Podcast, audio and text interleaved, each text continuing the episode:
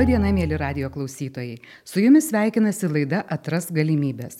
Aš laidos vedėja žurnalistė Auksė Kontrimienė, o prie garso pulto dirba garso režisierė Eglė Jarmalavičiūtė.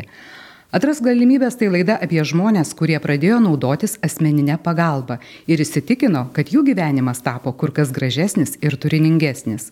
Parengėme 20 radio laidų, kuriuose išgirsite 20 unikalių istorijų, kaip asmeninė pagalba keičia žmonių gyvenimus. Jas pasakos matomų ir nematomų negalių turintys mūsų laidos svečiai ir jų asmeniniai asistentai. Šiandien klausotės pirmosios laidos. Pristatau laidos svečius. Tai Simona Artimavičiūtė, neįgaliųjų reikalų departamento prie socialinės apsaugos ir darbo ministerijos specialistė. Labadiena, Simona. Labadiena. Su mumis taip pat yra asmeninė asistentė Vilma Kavanauskenė iš Šiaulių rajono. Vilma padeda dviems merginoms, kurių viena turi autizmo spektro sutrikimą, o kita visai nekalba su nepažįstamaisiais. Sveiki, Vilma. Sveikinusi ir su dviem šiauliečiais - Birute Aurilienė ir Andriumi Garipovu, kurie būtinai norėjo laidoje dalyvauti kartu. Jiems abiems padeda asmeninė asistentė Gitana. Birute ir Andrius yra labai aktyvūs žmonės, kuriems regos negale netrukdo džiaugtis gyvenimu. Labadiena, Birute. Labadiena. Sveiki, Andriu. Sveiki, gyvi. Pirmiausia, noriu paklausti Simonos. Papasakokite, kas yra toje asmeninė pagalba. 21 metų Liepos mėnesį įvyko puikus dalykas ir Lietuvoje buvo įteisinta asmeninė pagalba. E, pati savaime asmeninė pagalba reiškia tai, kad kiekvienam žmogui turinčiam negalę pagalba yra teikiama tik tai tokia, kokios jam reikia, jinai yra labai individuali ir pritaikyta kiekvienam. Tai pačios pagalbos pavadinime akcentuojamas individualumas.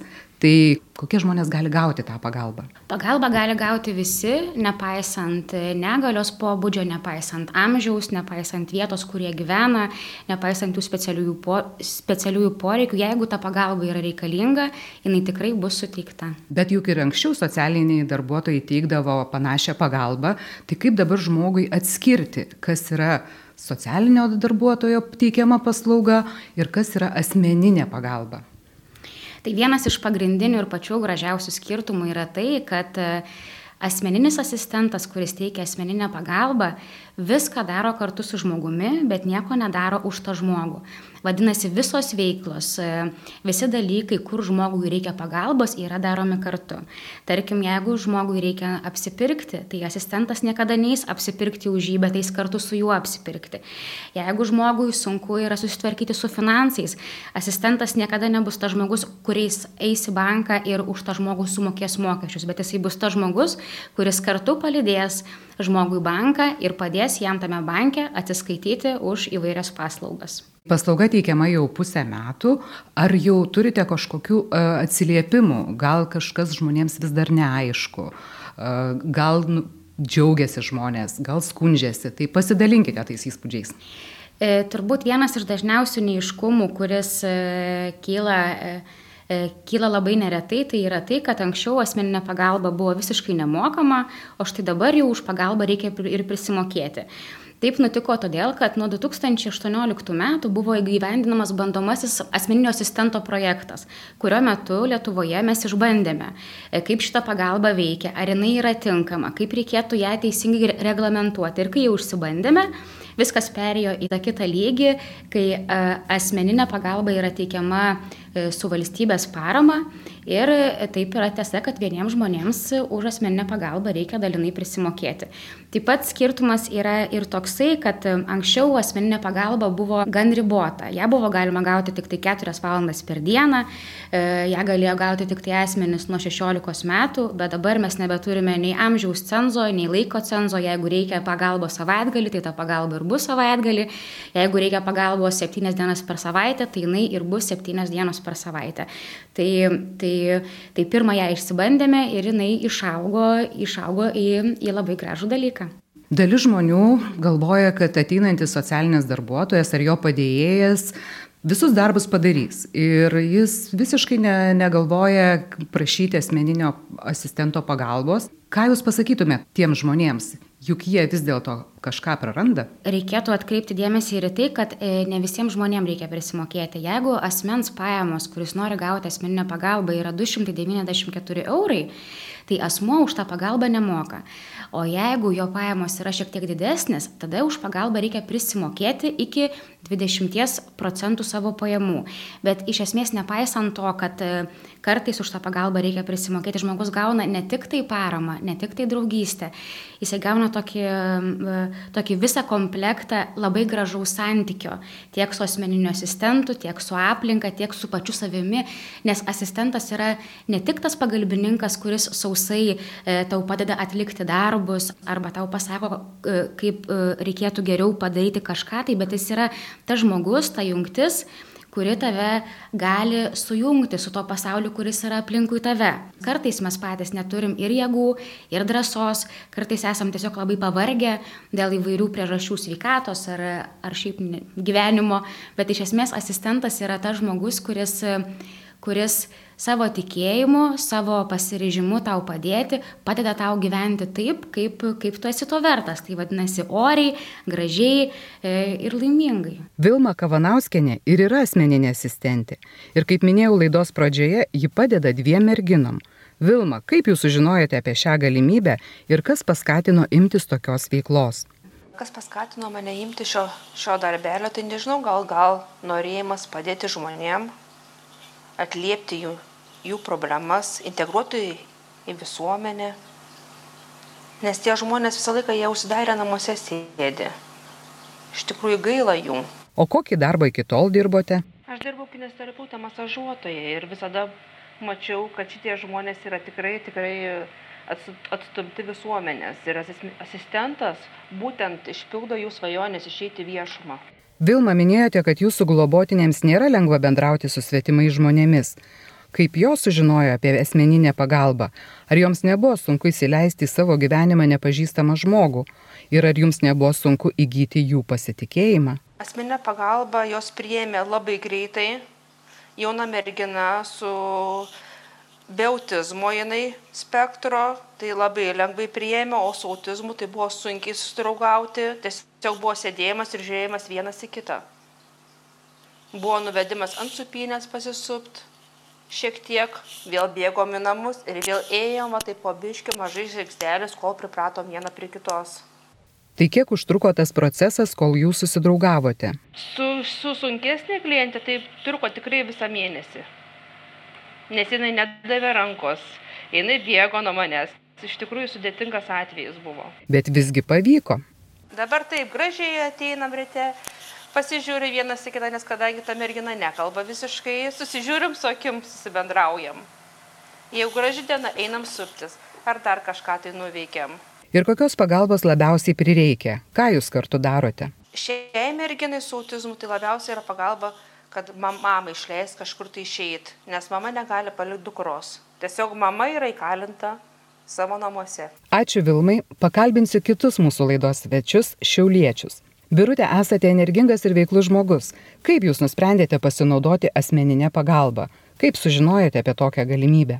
Na, asmeninę pagalbą nusprendžiau pasinaudoti dėl to, kad nesu dar taip jau, noriu patogumų, noriu, kaip sakant, kad nebūtų streso kelionėse, vat, kad būtų viskas patogiau. Vien asmeninis asistentas man reikalingas vien dėl palidėjimo. Kadangi Gitana turi mašiną, tai yra didis privalumas, tai mes išvažiuojame, išvažiuojame ir į mišką, ir žiemą, ir vasarą, ir prie ežero, arba kur nors į polikliniką, į banką, kai reikia palydį. Na, visur tikrai ji moteriškė yra labai gera ir, ir mes tikrai nuvažiuojam į bet kokį Lietuvos kampelį, kol kas Lietuvos, matysim toliau gal ir, gal ir toliau kur nors. Kaip ir girdėjote, asmeninė asistentė Birutė ir Andriui padeda įveikti daugelį kasdienybės iššūkių. Andriu, papasakokite, kaip pasikeitė jūsų gyvenimas, kai jame atsirado asmeninė asistentė Gitana. Na, mano gyvenimas iš tiesų pagerėjo, tiesiog gali nuvykti, kur, kur tau reikia, ar į banką, ar apsipirkti, ar šiaip kitas iki ir kokius renginius. Labai gerai, didelis pliusas, kad turi mašiną, tai gali savo laiką, reiškia, planuoti ir tiesiog mm, nuvykti, reiškia, į mišką, jeigu ar pasivaikščiot kur nors. Na ir tiesiog palengvinimas toks didelis. Nereikia priklausyti nuo, nuo, nuo ko nors. Klausytojams noriu pasakyti, kad asmeninė asistentė vežioja Andrių ir Birutę abipusių sutarimų. Už kurą jie susimoka patys. Asmeninės pagalbos teikimo sampratoje tokia paslauga nėra numatyta. Jeigu jums reikalinga pavėžėjimo paslauga, kreipkitės į savivaldybę ir čia jums irgi galėtų padėti asmeninis asistentas. Birutė Andriau, papasakokite apie pirmąją dieną, kai susipažinote su savo asmeninė asistente Gitana. Ar greitai pavyko su ją susidraugauti? Ar iš karto pajutote vieni kitiems simpatiją? Na, sakyčiau, gal, kad iš karto pajutome. Pirmą dieną, aišku, toks buvo atsargus bendravimas, bet kažkaip norėjau, kad asistentė turėtų iš karto koordinatoriui Viliui, buvom pasakę, kad būtų pozityvi, kad turėtų didelį humoro jausmą, kad galėtumėm pajokauti. Aš tiesiog nenorėjau, kai sakant, piktos, ne kad piktos, bet niurios asistentės, kad būtų ar asistento, tiesiog pozityvo, kad būtų daug. Na ir pirmas iki toks buvo susipažinimas, nu kaip pasakius, normalus gan gan oficialokas gal kažkiek bet ne visai. O antrą kartą trečią tai tai tikrai jau jau įsibendravom buvo viskas gerai ir pajuokaujam ir tikrai labai daug juokaujam. Dabar jau man atrodo kelinti ar treti metai bendraujam ar ne ar antri. E, pirmiausiai buvo palei projektą čia pilotinį gitaną turėjom o dabar e, prisimokam patys dalį asistentui Andriu, o kokie jūsų įspūdžiai? Įspūdžiai na, tokie patys. Iš tiesų, pirmą dieną buvo gal tiesiog daugiau susipažinimas, e, e, aiškinom, ką, ką neregys gali, kaip mes ką darom. E, buvo iš jos pusės toks smalsumas, kaip įdomu jai. Tai tą sužinojo pabiški, kas reikalinga, na ir paskui įsibendravom jau vėliau. Daugiau.